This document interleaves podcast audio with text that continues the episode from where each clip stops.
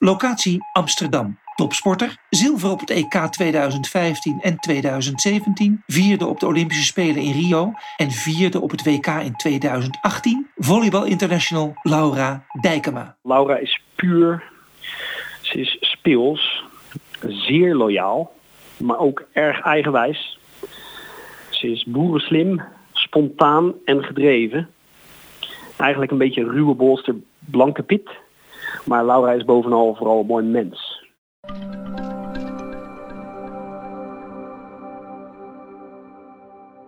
Vers van de pers. Laura heeft een nieuwe club in Italië. Wat een opluchting. In februari nog ontvluchtte ze hals over kop Rusland omdat er oorlog uitbrak. Wegsalaris, rekeningen bevroren en een niet uitgediend contract bij Leningradka. Advocatenteam erop en tot, en ook tijdens ons gesprek, veel gedoe waar veiligheidshalve niet over gesproken kon worden. Ja, dat klopt helaas. Ja, ik zou heel graag mijn verhaal willen doen. Ik krijg ook heel veel vragen erover. Uh, maar ja, ik eh, loop gewoon te veel risico als ik daar nu dingen over ga zeggen in de media. Dus uh, voor mijn veiligheid niet. Nee. Zoals ze zelf ook altijd zegt, blijf nuchter en houd focus. En dat blijkt nu. Stap 1 is er, een nieuwe club.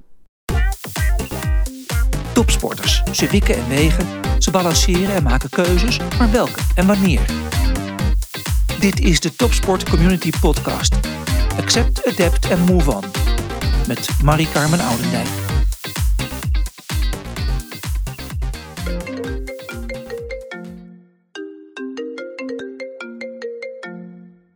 Ha Pieter. Hey Marie, hoi. Weer een mooie dag en ik ga uh, Laura Dijkema ontmoeten. Ja, hartstikke leuk. Ja, Laura, volleybal is ook zo'n zo mooie sport. Heeft mij ook een hoop uh, gebracht qua inzichten. Atlanta, de, de lange mannen. Ik heb daar, uh, dat was echt een bron van inspiratie. En ik heb ook nog altijd contact gehouden met, met, met de, de, de, volleybalploeg. Dat, waren, het is mijn generatie. En Laura is natuurlijk al jarenlang ook het gezicht van de volleybaldames. ja, wat, wat leuk dat je haar eventjes aan de tand gaat voelen. Jazeker. Ik uh, had haar mooie tijden natuurlijk uh, de vorige Spelen. Hè? In uh, Rio werden ze vierde. En nou, jammer dat ze er trouwens bij jou daar in Tokio niet bij waren. Hè? Absoluut, absoluut. Nou ja, weet je, ook teamsporten maken vaak tijdens de Spelen de verhalen. Omdat dat gewoon, ja, van het begin tot het einde zijn ze actief. en dat zag je ook van de teams. En, ja, en, en het volleybalteam had ik er heel heel graag bij gehad, ja, inderdaad. Maar goed, dan kunnen ze hun zin natuurlijk wel weer zetten op uh, Parijs hè, in uh, volgend jaar. Of over twee jaar natuurlijk. Um, um, nou, ik haar toch spreek, leek mij het wel fijn om een vraag van jou mee te nemen. Wat zou jij nog graag van haar willen weten? Nou ja, ik was, ik was ook hè, de eerste wedstrijd van het WK ben ik, ben ik gaan kijken. En, en um, mooie, indrukwekkende ambiance. En ook hoe die meiden daarmee mee omgingen. En uh, wat ik altijd wel mooi vind, um, zonder, zonder meteen uh, te generaliseren en alles over één kant te scheren. Maar de volleybaldames zijn, zijn prachtige sportdames. Uh, mooie, mooie meiden die ook, ook ja, weet je, een tikkeltje introvert. Wel altijd buitengewoon leuk in omgang en, en, en intelligent. Um, uh, maar ook uitermate vriendelijk en, en, en, en, correct. Um, ja, hoe maak je daar dan een echte vechtmachine van? En uh, weet je, dat zijn dames die ja, altijd vrij lang zijn. En uh, wel een beetje, heb ik het idee, niet zo, hè, we willen, in ieder geval niet zo snel willen opvallen. Um, echt hele fijne mensen, fijne sportmensen om mee te werken. Maar uiteindelijk, ja, in de sport is het ook, ook zaak om, om uiteindelijk ook ja, je, de partijen te winnen en naar je, naar je, naar je, naar je toe te trekken. Een, een vechtmachine te, te worden. Ja, hoe doen zij dat? Super, ik, uh, het, helemaal duidelijk. Ik ga dat uh, aan haar vragen en uh, je gaat het antwoord horen. Nou, ik ben heel erg benieuwd. Nou, dus ik ga het met heel veel plezier beluisteren en heel veel succes. Dankjewel, Pieter. En wij spreken elkaar later weer. Tot later. Doei. Joe, hoi. Laura, eigenlijk zoek ik altijd de topsporters op. En het lijkt wel een thuiswedstrijdje, want jij zei meteen, ik zoek jou wel op. Ja, dat klopt. En nu zit je in een uh, studio, jij als podcastmaker. Hoe vind je het hier? Ja, het is echt een geweldige studio. Het ziet er zo gezellig uit met die houten balken en zo. Heel leuk. Tribunetje erbij zelfs. Heb jij dat zelf ook als jij met de meiden de podcast maakt? Nou, we hebben er geen tribune bij, maar ik zie hier wel uh, kansen. Ja, heel leuk. Ja. Heel goed. Ja. Hey, alleen al uit die twee dingen. Van ik kom wel naar jou toe. Uh, jij maakt een, uh, een podcast. daaruit maak ik op dat jij een heel ondernemend persoon bent. Ja, het was ook. Uh, ik zat nu net uh, in de auto van Papendal. Dus ik denk van ja, om drie uur dat ze halen. Ik denk, ik race al gewoon meteen door. Dat vind ik ook lekker. Ik heb lief ook niet dat iemand op me zit te wachten. Dus ik denk, dat was gewoon praktisch. Ik ben ook gewoon lekker praktisch. Ja. Heerlijk. En dat ondernemerschap. Mm -hmm. van wie heb jij dat? Ja, ik kom er nu achter dat ik dat van mijn vader heb. Uh, ja, mijn vader is natuurlijk overleden toen ik 15 was. Dus ik heb hem niet uh, zo heel bewust gekend, zeg maar. Maar hij was uh, ook ondernemer, had zijn eigen belastingadviesbureau gewoon aan huis op een gegeven moment. En ehm, ja, ik merk wel, mijn zus die zegt het in ieder geval tegen mij van ja, Lau, dat heb je echt van papa. Dus ja. ja. Mooi. Ja, mooi heel gegeven, mooi. Ja. Want laten we dan nog even een schepje erbovenop doen. je hebt ook een eigen kledinglijn. Ja, ja, die heb ik met twee vriendinnen inderdaad opgezet. En uh, ja, omdat ik gewoon fashion vind ik gewoon leuk. En uh, het is ook leuk om wat terug te kunnen doen, zeg maar, voor de mensen. En wat je zegt, je leert ook gewoon echt te ondernemen. En dat vind ik ook echt heel leuk om te doen. Ja. Dus daar uh, ga je nog wel verder in. Ja, ja, want het heet XIV, XIV bij Laura. Uh, XIV nummer 14 natuurlijk, ja. omdat ik altijd met nummer 14 speel. En ik vind dat er gewoon mooi uitzien. Weet je, ik heb ook wel eens nagedacht over een tatoeage of zo. Weet je wel, dacht ik van nou, dat vind ik dat een mooi, mooi teken. Uh, dat is uiteindelijk ons logo geworden. En uh, ja, ik vind dat gewoon dat hele proces heel, heel interessant inderdaad. En nou, ik merkte wel van, uh, van, van de kleding, ja, je gaat er echt niet rijk van worden of zo. Maar het is in ieder geval wel heel leerzaam, ja. En die nummer 14, heeft dat nog een speciale betekenis?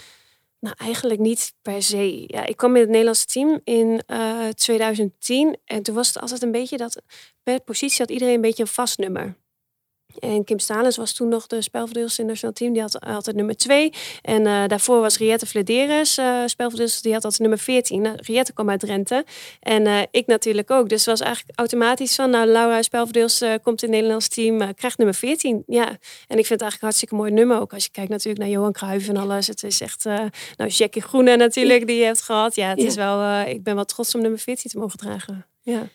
Jij noemde net al even jouw vader. Mm -hmm. um, wij weten inmiddels, of de meeste mensen ook, dat jouw moeder uh, onlangs ook is overleden. Ja. Um, heb je dat een plek kunnen geven? Um, ja, ik denk het wel. Ook al is het nog wel echt wel uh, heel ver, zeg maar. In december, straks december is het uh, nog maar twee jaar geleden eigenlijk. En dan denk je ook van, soms lijkt het nog als de dag van gisteren ook.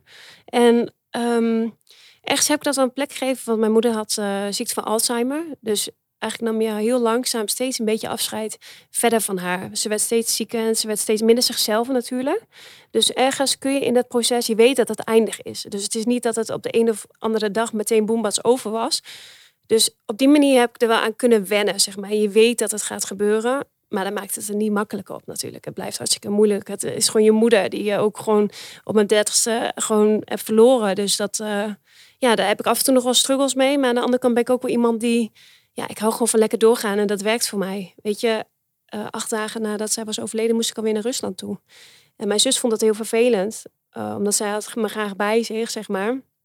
Nee, voor mij was het wel fijn om weer in een ritme te komen en weer lekker door te gaan. En gewoon eigenlijk haast kop in het zand gewoon weer door te werken. Jij zegt ook van, uh, je hebt altijd heel veel geborgenheid gehad. Je ouders waren er altijd voor mm. je, ook toen je opgroeide en je met volleybal begon.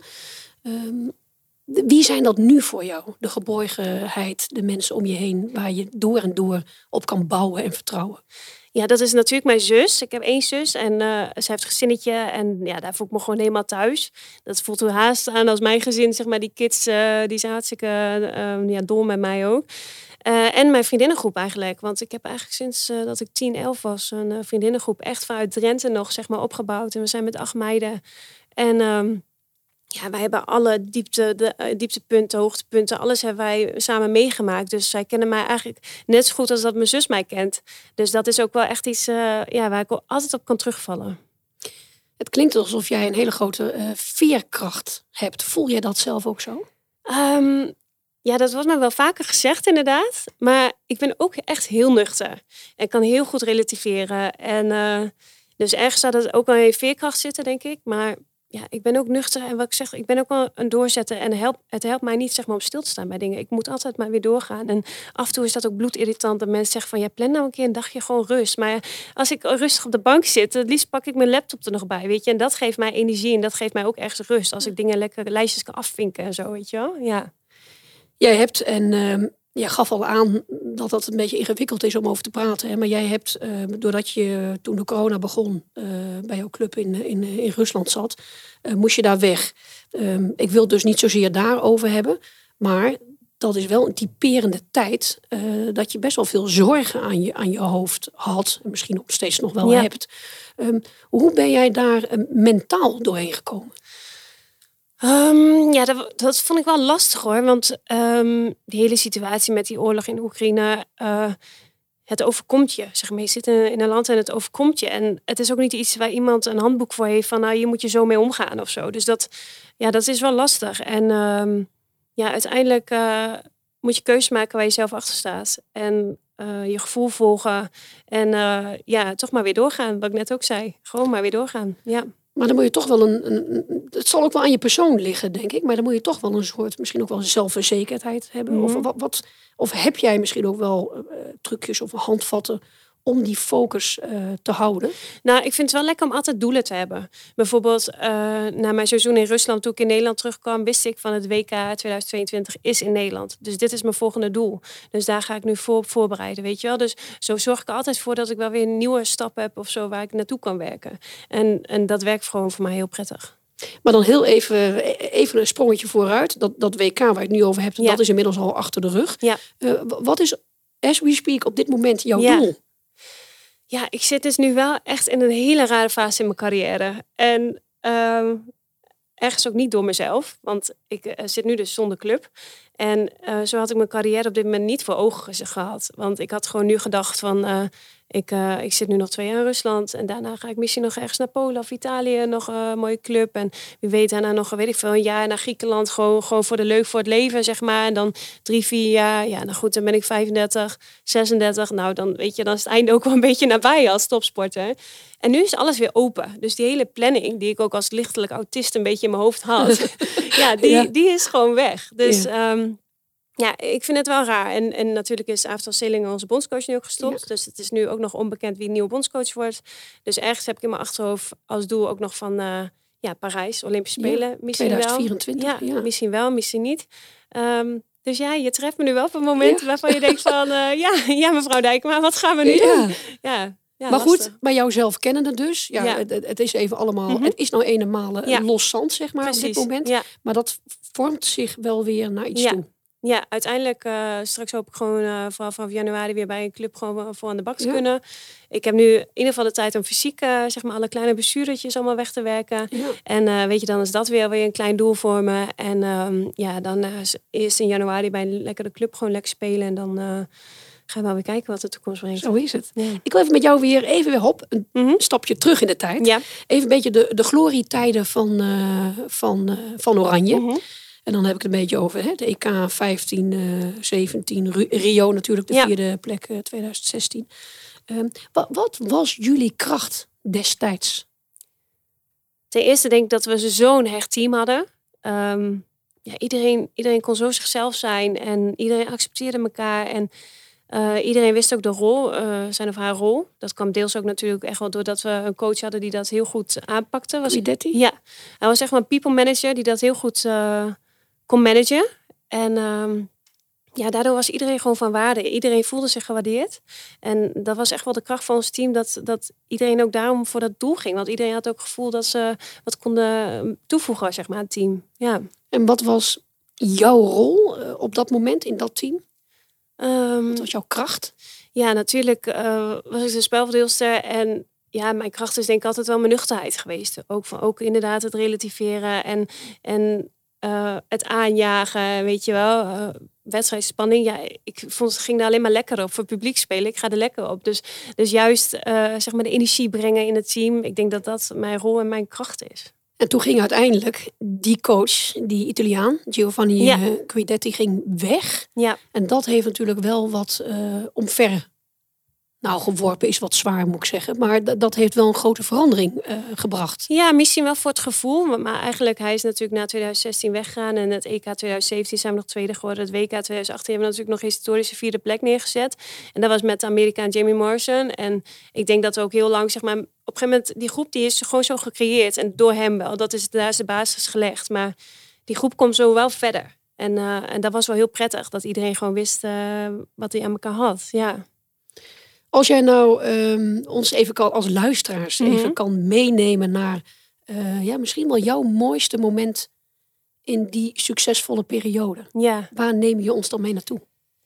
Uh, ja, mijn mooiste moment was toch wel het kwalificeren voor Rio in uh, 2016. Want in het volleybal en in het vrouwenvolleybal helemaal, weet je, Olympische Spelen, dat was op dat moment volgens mij alweer twintig jaar niet gelukt of zo.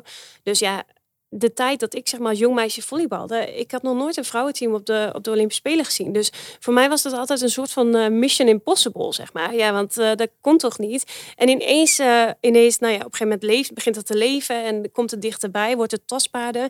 En toen dat gelukt was, toen dacht ik wel echt van wauw, weet je wel, dat is toch wel iets voor topsporters om naar die Olympische Spelen te gaan. Ja, dat was wel echt zo'n vet gevoel. Ja. Waar, want dat weet ik niet meer precies, maar jij uiteraard. Ja. Waar was dat? Op welk moment voelde je die ja. uitzinnige vreugde? Dan zeg je, waar was dat? Ja, daar ben ik dan wel heel slecht in. Moet je eigenlijk maar Red God eens ja. even vragen. Maar um, ja, het was in Japan op het OKT. En volgens mij was tegen, nou ik durf niet eens te zeggen, volgens mij tegen de Dominicaanse Republiek of zoiets. Een, een van die landen. Nou goed, mensen die echt in de volleybal zitten zullen het al weten. Maar uh, ja, toen hadden we volgens mij twee sets genoeg. En het was nog een beetje, zeg maar, de coach en de staf die had dat niet per se tegen ons gezegd van dat we aan twee sets genoeg hadden. Dus op, na die twee sets begon iedereen op de tribune helemaal feest te vieren. Terwijl wij waren nog helemaal gefocust om die wedstrijd te winnen. En daarna barstte het natuurlijk helemaal los. Maar ja, dat was wel echt wel heel bizar. En er was ook heel veel familie van al die meiden allemaal mee. En mijn moeder was helaas ziek en mijn, mijn zus was op dat moment al zwanger. Dus die waren, waren er helaas niet bij. Maar dat was wel echt, echt zo'n mooi feest met z'n allen. En ik, ik ben daarna ook naar de kleedkamer gegaan. Mijn moeder gefacetimed. En ja, dat was echt wel heel emotioneel ook wel. Was echt heel mooi. Ja. Schitterend. Ja. Ilko Bel, van 2014 tot 2018 in allerlei functies betrokken bij de Nederlandse volleybalvrouwen. Als jij nou eens even in je geheugen graaft, wat is nou een mooi moment die jij uh, echt met Laura samen hebt beleefd? Dat is, dat is um dat is bijna vragen naar het onmogelijke. naar een, een mooi moment. We hebben natuurlijk fantastische momenten meegemaakt. Meer mag ook hoor. Met de hele groep. Uh, de kwalificatie voor de Spelen voor het eerst in 20 jaar is natuurlijk een fantastisch moment. En een fantastische prestatie, vooral op het sportieve. Uh, persoonlijk vind ik de reis daar naartoe, uh, naar dat hele proces, hoe we van eigenlijk ja, niet echt presteren bij de wereldtop. De reis naar de wereldtop toemaakte, vond ik heel persoonlijk als coach ook heel interessant, uh, maar ook heel uh, intens. Um, ja, voor mij zijn eigenlijk de kleine herinneringen, zeker met Laura en met andere individuen, als individuele band ja, die zijn het meest waardevol. Ik kan me herinneren dat met Laura, als we uh, starten aan de wedstrijd, deden we altijd handjesklap met iedereen, staf en speelsters, de hele groep, voordat we begonnen. Ja, en Laura en ik zochten elkaar daar altijd als, als laatste op, met een knipoog en een, en een dolletje. Uh, ja, dit soort menselijke uh, momentjes binnen het sporten, ja, die zijn voor mij het meest waardevol.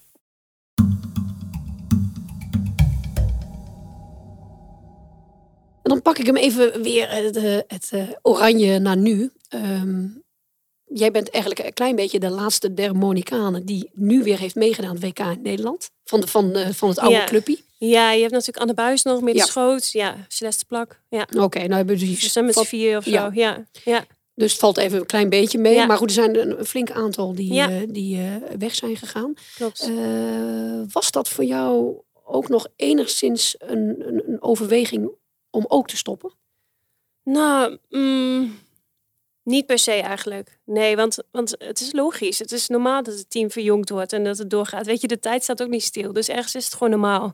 En um, ja, vorig jaar is Maret Godhus gestopt. En zij was jarenlang mijn kamergenootje. En ik moet wel zeggen, van, nou, dat was, het was wel wennen. Gewoon, want wij konden gewoon zo op de kamer, zeg maar. Je moet je voorstellen, je zit bij zo'n WK ook gewoon vijf weken, vier tot vijf weken, met, bij elkaar op de lip. Dus het is zo fijn als je gewoon iemand hebt, gewoon, waarbij je gewoon echt 100% helemaal jezelf kan, kan zijn en je hem kan laten gaan. En, en wij voelden elkaar daar echt perfect in aan en dat kostte geen energie, zeg maar.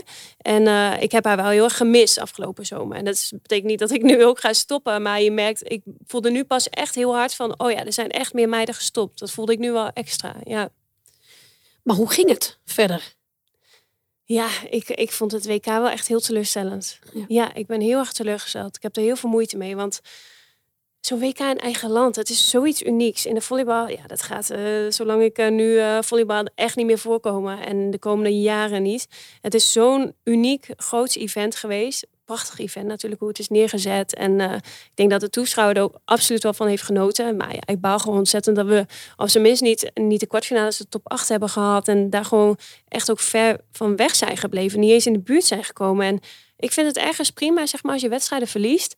Maar uh, als je dan maar op je top speelt, weet je, als je denkt van ja, het had, zat gewoon niet meer in, maar ik weet gewoon, er zit meer in het team en dat maakt het zo frustrerend dat je het vooral in, op een WK in eigen land gewoon niet eruit kan laten komen. En, en volgens jou even als, uh, als mhm. deskundige, wat was er niet wat het wel had kunnen brengen? Is dat misschien dat teamwork, wat je net ook zei bij uh, de, de, glorieuze periode? Um, ja, vind ik wel heel lastig om te zeggen. Het is wel echt een, samenloop van omstandigheden, denk ik ook geweest. We hebben ook blessures gehad. Um, ik had af en toe het idee dat we, hebben natuurlijk vrij jong, relatief jong team, zeg maar. Niet per se jong, maar misschien niet heel erg ervaren team om uh, zulke grote wedstrijden voor eigen publiek te spelen. Dus ik had af en toe het gevoel dat we daardoor echt gewoon een beetje strak en gespannen stonden te spelen. En uh, ja, ik heb dat vrije wel echt gemist, zeg maar. Die, die vibe en die flow, wat iedereen zegt. Weet je, dat, daar zijn we gewoon niet in gekomen. En um, ja, daar hadden we meer op moeten pushen of zo, denk ik. Als spelers, maar ook als staf. Ja. Het WK hebben we nu achter ons. Maar uh, het volgende doel zou kunnen zijn... de Olympische Spelen 2024 Parijs. Ja. Wat voor type coach zou, denk je, het beste bij jullie passen? Dan hoef ik geen namen te mhm. horen, maar wat voor type coach? Um, ja, is lastig. Ik vind het sowieso lastig, want ik ben eerst eh, benieuwd uh, welke richting uh, de bond, de Nederlands Volleybalbond, op wil. Zeg maar, wil je een, een jong team nu gaan opleiden? of, of wil je inderdaad echt op volgend EK volgend jaar of op de Olympische Spelen gaan richten? Ik denk dat dat nog wel een verschil is. Maar ik denk dat de groep die er nu staat, wij hebben wel een soort van aanjager nodig. Want je merkt wel van ik heb het idee dat dit team nog niet klaar voor is om het zelf zeg maar, in het team onderling zeg maar, op te lossen. Het moet nog wel aangestuurd worden. En een aanjagen emotioneel en, en, uh, ja, en pushend op training, zeg maar, dat hebben we wel nodig. Ja. Dus toch een beetje zo'n uh, type... Ja, met temperament. Precies. Ja. Zo'n ja. Kuidetti type misschien wel. Precies, ja. ja. Kijk ik even naar het oranje van nu. Er moet natuurlijk heel veel gebeuren. Dus een beetje teleurstellend WK achter de rug. En die Guidetti is ook weer vrij. Zie ik terecht mogelijkheden voor Parijs? ja. Uh, laten we vooropstellen dat ik Guidetti natuurlijk hoog heb zitten. Uh, al is het alleen al door de ervaring die we, uh, die, die we hebben gehad met z'n allen en het ook daarbij presteren. Ehm, dus wat dat betreft zou ik gelijk volmondig ja zeggen. Ja, er zijn natuurlijk ook. Hij, hij is weggegaan. En, dus, maar die beslissing is ook niet aan mij om te, om te nemen. Hij is vrij en de, de Nevobo's. Dus wat dat betreft, op papier is daar altijd de mogelijkheid. Even heel wat anders. Um, ik zie je lachen. Ja, nee, maar ik, ik kreeg een. Um, ja, Pieter, die eh, die gaf een vraag mee aan mij. Ja. En dat is de volgende. Hij zei... Um, of ik kan zwemmen. Ja, of je even mee wil zwemmen. Nee, Pieter zei van, waar ik zo nieuwsgierig ben, die, die volleybalmeiden, dat zijn allemaal uh, fantastische, ambitieuze, mooie meiden. Um, uh, rustig van aard. Mm. Uh, hoe maak je daar nou, zeg, soort of moordmachines van? Ja. Begrijp je een beetje ja, wat ik bedoel? ik snap wat je bedoelt. Ja. Um, ja, goede vraag. Ja, ik vind dat dat ligt inderdaad.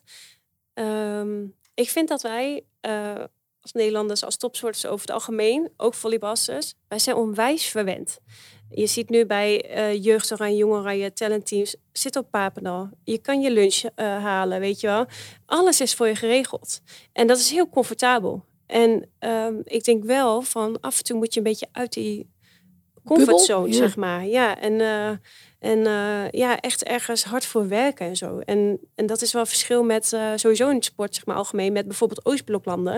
Ik heb met Service teamgenootjes gespeeld en ja, die hebben zo'n drive, zeg maar, om goed te worden, omdat ja, daarna kunnen ze hun gezin of hun familie onderhouden. En dat hebben wij in Nederland niet. En ik denk dat dat nog wel iets misschien is van, het is soms wel eens te goed of te comfortabel.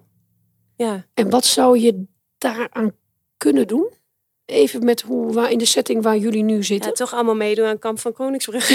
nee, nee, nee. Ja, ik denk inderdaad wel dat dat echt uh, op de manier van trainen uh, ja. kan liggen. Dat je echt uh, op de trainingen zeg maar, echt aangepakt gaat worden. Dat je echt die onverzettelijkheid zeg maar, ook gaat trainen. Ja. En zijn ze daar op die manier bij de Volleybalbond en FOBO denk je ook een beetje bezig? En hebben jullie daar inspraak in, hoe dat zou moeten? Um, ja, zeker. Weet je, we hebben nu een nieuwe technische directeur, Herman Meppelink. En die staat echt open voor alle feedback. En ik heb hele prettige gesprekken ook met hem gehad. En daar, daar staan ze absoluut wel voor open. Ja, ja. Ik weet ook niet of dit het, dit het wapen tot moordmachine nee, kan zijn. Hè? Nee. Maar uh, ja, het ja. is wel iets wat me opvalt in ja. ieder geval. Want ik speel ook veel in het buitenland natuurlijk. Uh, zoals nu in Rusland, uh, Turkije, Italië, overal geweest. En ja, je merkt wel dat, dat de verschillende culturen echt wel meespeelt ook al in de sport. Ja.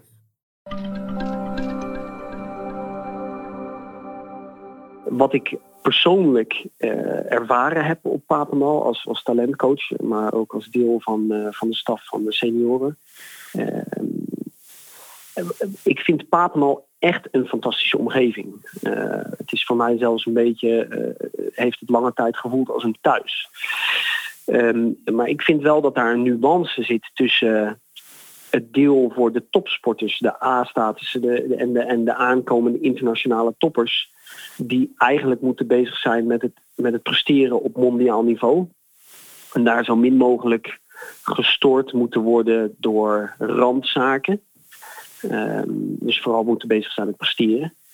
En, en de talentopleidingen uh, of de talentontwikkelingslijnen van de, van de bonden, waarbij ik vind dat het um, soms wel een beetje te perfect is voor de jonge atleten. Die eigenlijk nog moeten leren wat het is om te presteren en de investering moeten maken naar het atleet zijn.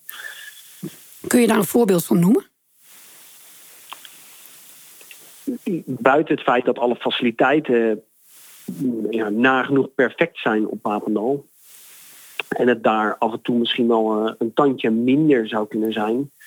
Uh, denk ik dat het vooral te maken heeft met het leren waarderen van de luxe en het, uh, het leren begrijpen van de waarde die bepaalde zaken hebben. Neem het simpelste voorbeeld waar uh, in het begin toen het geïnstalleerd werd, het veel in het nieuws is geweest, het pasjesysteem op Papendal, waar alles bijgehouden kon worden. Dus het is natuurlijk een fantastisch modern en mooi systeem. Maar het geeft een jonge atleet die nog niet heeft ervaren wat zelf geld verdienen is, eh, een plastic pasje waarmee ze betalen. En dat is totaal waardeloos. Ja, ik heb daar wel eens over nagedacht. Hoe zou het zijn als je een limiet op dat pasje zet? Zodat ze in, ineens leren dat geld heeft een bepaalde waarde. En je kan niet ongelimiteerd zaken kopen. Nou, dat vind ik een klein voorbeeld van hoe kan ik een jonge atleet ontwikkelen. Niet als alleen als atleet, maar ook als mens. Jij bent toch een beetje het boegbeeld van het uh, vrouwenvolleybal. Um, wat zou jij het vrouwenvolleybal op dit moment toewensen? Ja, ik, ik is ten eerste gewoon die uh, Olympische Spelen halen. En want dat is gewoon zo'n moment uh, dat je zo de jeugd ook kan inspireren. Weet je, op de Olympische Spelen is het toch meer, meer zichtbaarheid in de media. En mensen gaan het volgen. Ook mensen die volleybal misschien eerst niet volgden, gaan beginnen ten eerste volgen. En uh, ja, dat, dat, ik hoop wel dat dat gaat lukken voor het vrouwenvolleybal, eh, maar ook voor het herenvolleybal, voor het voetbal in het algemeen. En ik denk dat de kwaliteit hebben we wel in Nederland. Dus het moet, het moet er gewoon alleen uitkomen. Op wat voor manier inspireer jij de jongere generatie? Um, ja, inderdaad, wat je zegt van we hebben natuurlijk die podcast opgezet uh, over de top. En um, ja, ik ben op dat idee gekomen. Eigenlijk was ik gewoon in het buitenland. En ik vind het zelf in het buitenland heel prettig om naar Nederlands uh, geklets eigenlijk te luisteren. Omdat je heel veel, of Engels of wat dan ook, Russisch of wat dan ook de hele tijd hoort. En het is zo lekker om af en toe ook Nederlands te luisteren. En ik denk wel van, uh, door onze ervaringen bijvoorbeeld te delen, ook met, met andere vrouwen, andere mannen, gewoon mensen. Ja, weet je, er hoeft maar één of twee mensen er wat aan te hebben. Of een vraag kunnen stellen en dat ze denken van, oh, daar hebben we wat aan. ja, dat is voor mij al echt wel, wel, wat waard, zeg maar. En ik hoop zo op die manier echt mensen kunnen inspireren. En uh, het begint ook klein, bijvoorbeeld naar mijn eigen nichtje. Weet je wel, uh, dat ze bij mij wedstrijden is geweest uh, in Oranje en, en op het veld mocht lopen, weet je wel. Ik hoop dat, ik, dat, dat, dat haar ook inspireert, weet je wel. En ja, het begint gewoon heel klein en misschien ben ik daar ook wel bescheiden in. Maar ik denk van, ja, als, uh, wij maken zoveel speciale, bijzondere dingen mee. En als mensen daar net een beetje kracht uit kunnen halen, dat je daar een voorbeeld in kan zijn, ja, dan, dan zou me dat heel uh, goed doen. Ja. En met jouw levenswijsheid, jouw levenservaringen, um, Um, zijn er ook uh, ja, iets meer specifiekere dingen waar je kan zeggen, ja, daar kan ik nou wat in betekenen voor uh, de nieuwe generatie? Nou, ik heb ook al uh, met Helder op een gegeven moment zo'n uh, project, project, project Comeback heette dat. En dat was natuurlijk ook in die corona dat ook jonge mensen echt wel moeite hadden om, om weer door te zetten, zeg maar. En ik denk wel dat ik daarin misschien wel een doorzetter ben na tegenslagen die ik heb gehad. Bijvoorbeeld met het overlijden verlies van mijn ouders, tegenslagen contractueel of zo, dat je ineens zonder zonder contract zit. Um, het is moeilijk om altijd positief te blijven. Maar ik denk wel, als je een positieve mindset hebt, dat gaat je zeker meer brengen dan dat je, dat je zo'n depressieve, negatieve mindset hebt. Ja. Kan ik, om het, ik probeer het een beetje specifieker te maken. Ja. Is dan ook uh, bijvoorbeeld hulp vragen of uh, een beetje extravert te zijn door te praten. Uh, helpt dat ook? Ja, denk ik wel. Ben je bij mij niet helemaal de juist, denk ik. Want ik had toevallig uh, vorige week met een vriendin van mij over. En uh, die heeft ook een mental coach bijvoorbeeld gehad. En uh, zij zei van, is dat ook niet wat voor jou? Want ik heb eigenlijk nooit een mental coach of zo gehad. En ik zei voor de grap tegen haar van, ja, ik zou niet weten waar ik dan moet beginnen. Weet je wel? ja, ik heb zoveel ellende eigenlijk in mijn leven gehad. En... Um, voor mij persoonlijk werkt dat niet per se, want ik heb inderdaad heel veel eh, familie en vrienden omheen met wie ik uh, gewoon durf te praten en ook gewoon inderdaad je kwetsbaarheid uh, durft op te stellen. En ik denk van, als je ergens mee zit, je hoeft maar één iemand in je omgeving te hebben met, bij wie je dat kan uiten. En dat, dat ventileren, dat helpt dan wel. En jij hebt dat, jij hebt die kring, Precies. dus er is niet echt per se een coach nodig. Precies, ja. En daarom ben ik ook heel nuchter, dat ik denk van ja, moet ik eerst tegen een vreemde mijn hele eh, verhaal weer opgehangen. Ja, ja. dan zie ik mezelf weer aankomen, denk ik van nee, laat maar. Ja. Zonde van de tijd ja, ook. Precies, ja. ja. ja. Um, ik zit nog heel even over die, die eh, toekomstige generatie. Um, jij zegt al, met mijn nichtje, maar ook mm -hmm. uh, bij, bij, de volleyballers. Ja. Um, waar zie jij jezelf staan? In de toekomst? Ik vind dat zo'n moeilijke vraag. Ja, ja, um, ja, ik hoef dus niet per se in het uh, volleybalwereldje mm. te blijven. In de sportwereld lijkt me wel heel leuk. Maar er, ergens zou ik het ook heel fijn vinden als bijvoorbeeld jonge speelsters of spelers mij, uh, die bijvoorbeeld naar het buitenland willen, dat die mij eens even vragen van, uh, ja, hoe werkt dat eigenlijk? Of wat is dit voor club? Weet je, ik zie nu soms jonge meiden bijvoorbeeld naar buitenlandse clubs gaan voor echt voor een appel en een peer, zeg maar. En die, die gaan spelen of niet eens spelen op een bank zitten ergens. Dan denk ik van, ja, dat is zo'n eigenlijk verkeerde stap voor je carrière. Had me gewoon even gevraagd, weet je wel. Want als jonge speler, je bent nog nooit in het buitenland geweest, je weet niet hoe het werkt. En dat kun je zo niet kwalijk nemen. Dus in die zin, zeg maar, als ik daar mensen misschien niet per se kan begeleiden, maar op een hele casual manier, zeg maar, wat een steentje kan bijdragen, zou ik dat heel leuk vinden. ik zie Laura dat zeker doen. Uh, en ik, ik denk dat daar ook. Er zijn nu natuurlijk een aantal mensen betrokken bij de opleidingen en, en uh, de ontwikkelingen van atleten. Uh, het zij trainers, coaches, de staf daar rondomheen. het zij spelersmakelaars in een latere fase die ze daar naar het buitenland helpen. Um, maar daartussenin een oud speelser die als vraagbaak slash mentor slash uh, ja, voorbeeld uh, die, die daar uit eigen ervaring kan putten en een totaal andere positie in de beslissing uh, van de atleet in kan nemen. Een soort neutrale adviesrol. Ja, dat is, dat is A, denk ik, iets wat op haar lijf geschreven zou kunnen zijn. En, en B, ook, ook, iets wat misschien op dit moment nog niet heel, heel erg geïnstalleerd is.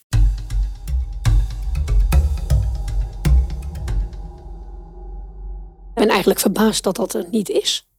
Ja, nu wordt er wel meer aandacht voor gegeven, maar het kan echt nog beter. En ja, ik hoop ook gewoon dat, uh, dat jongeren ook uh, ja, dat durven te vragen, zeg maar. Ja. Laura, het is gewoon de ondernemer die ik alweer voor me zie zitten. En die eigenlijk haar eigen werk alweer uh, op poten heeft gezet. Je mee, ja, nou wat ja, je nu antwoordt. Ja, ja, nou goed, ja, wie weet. Ja, wie weet ja. Ik wil je hartelijk danken voor, je, voor je openhartige gesprek. Ja, geen probleem. Vond het heel gezellig. Dit was de Topsport Community Podcast. Tot de volgende keer.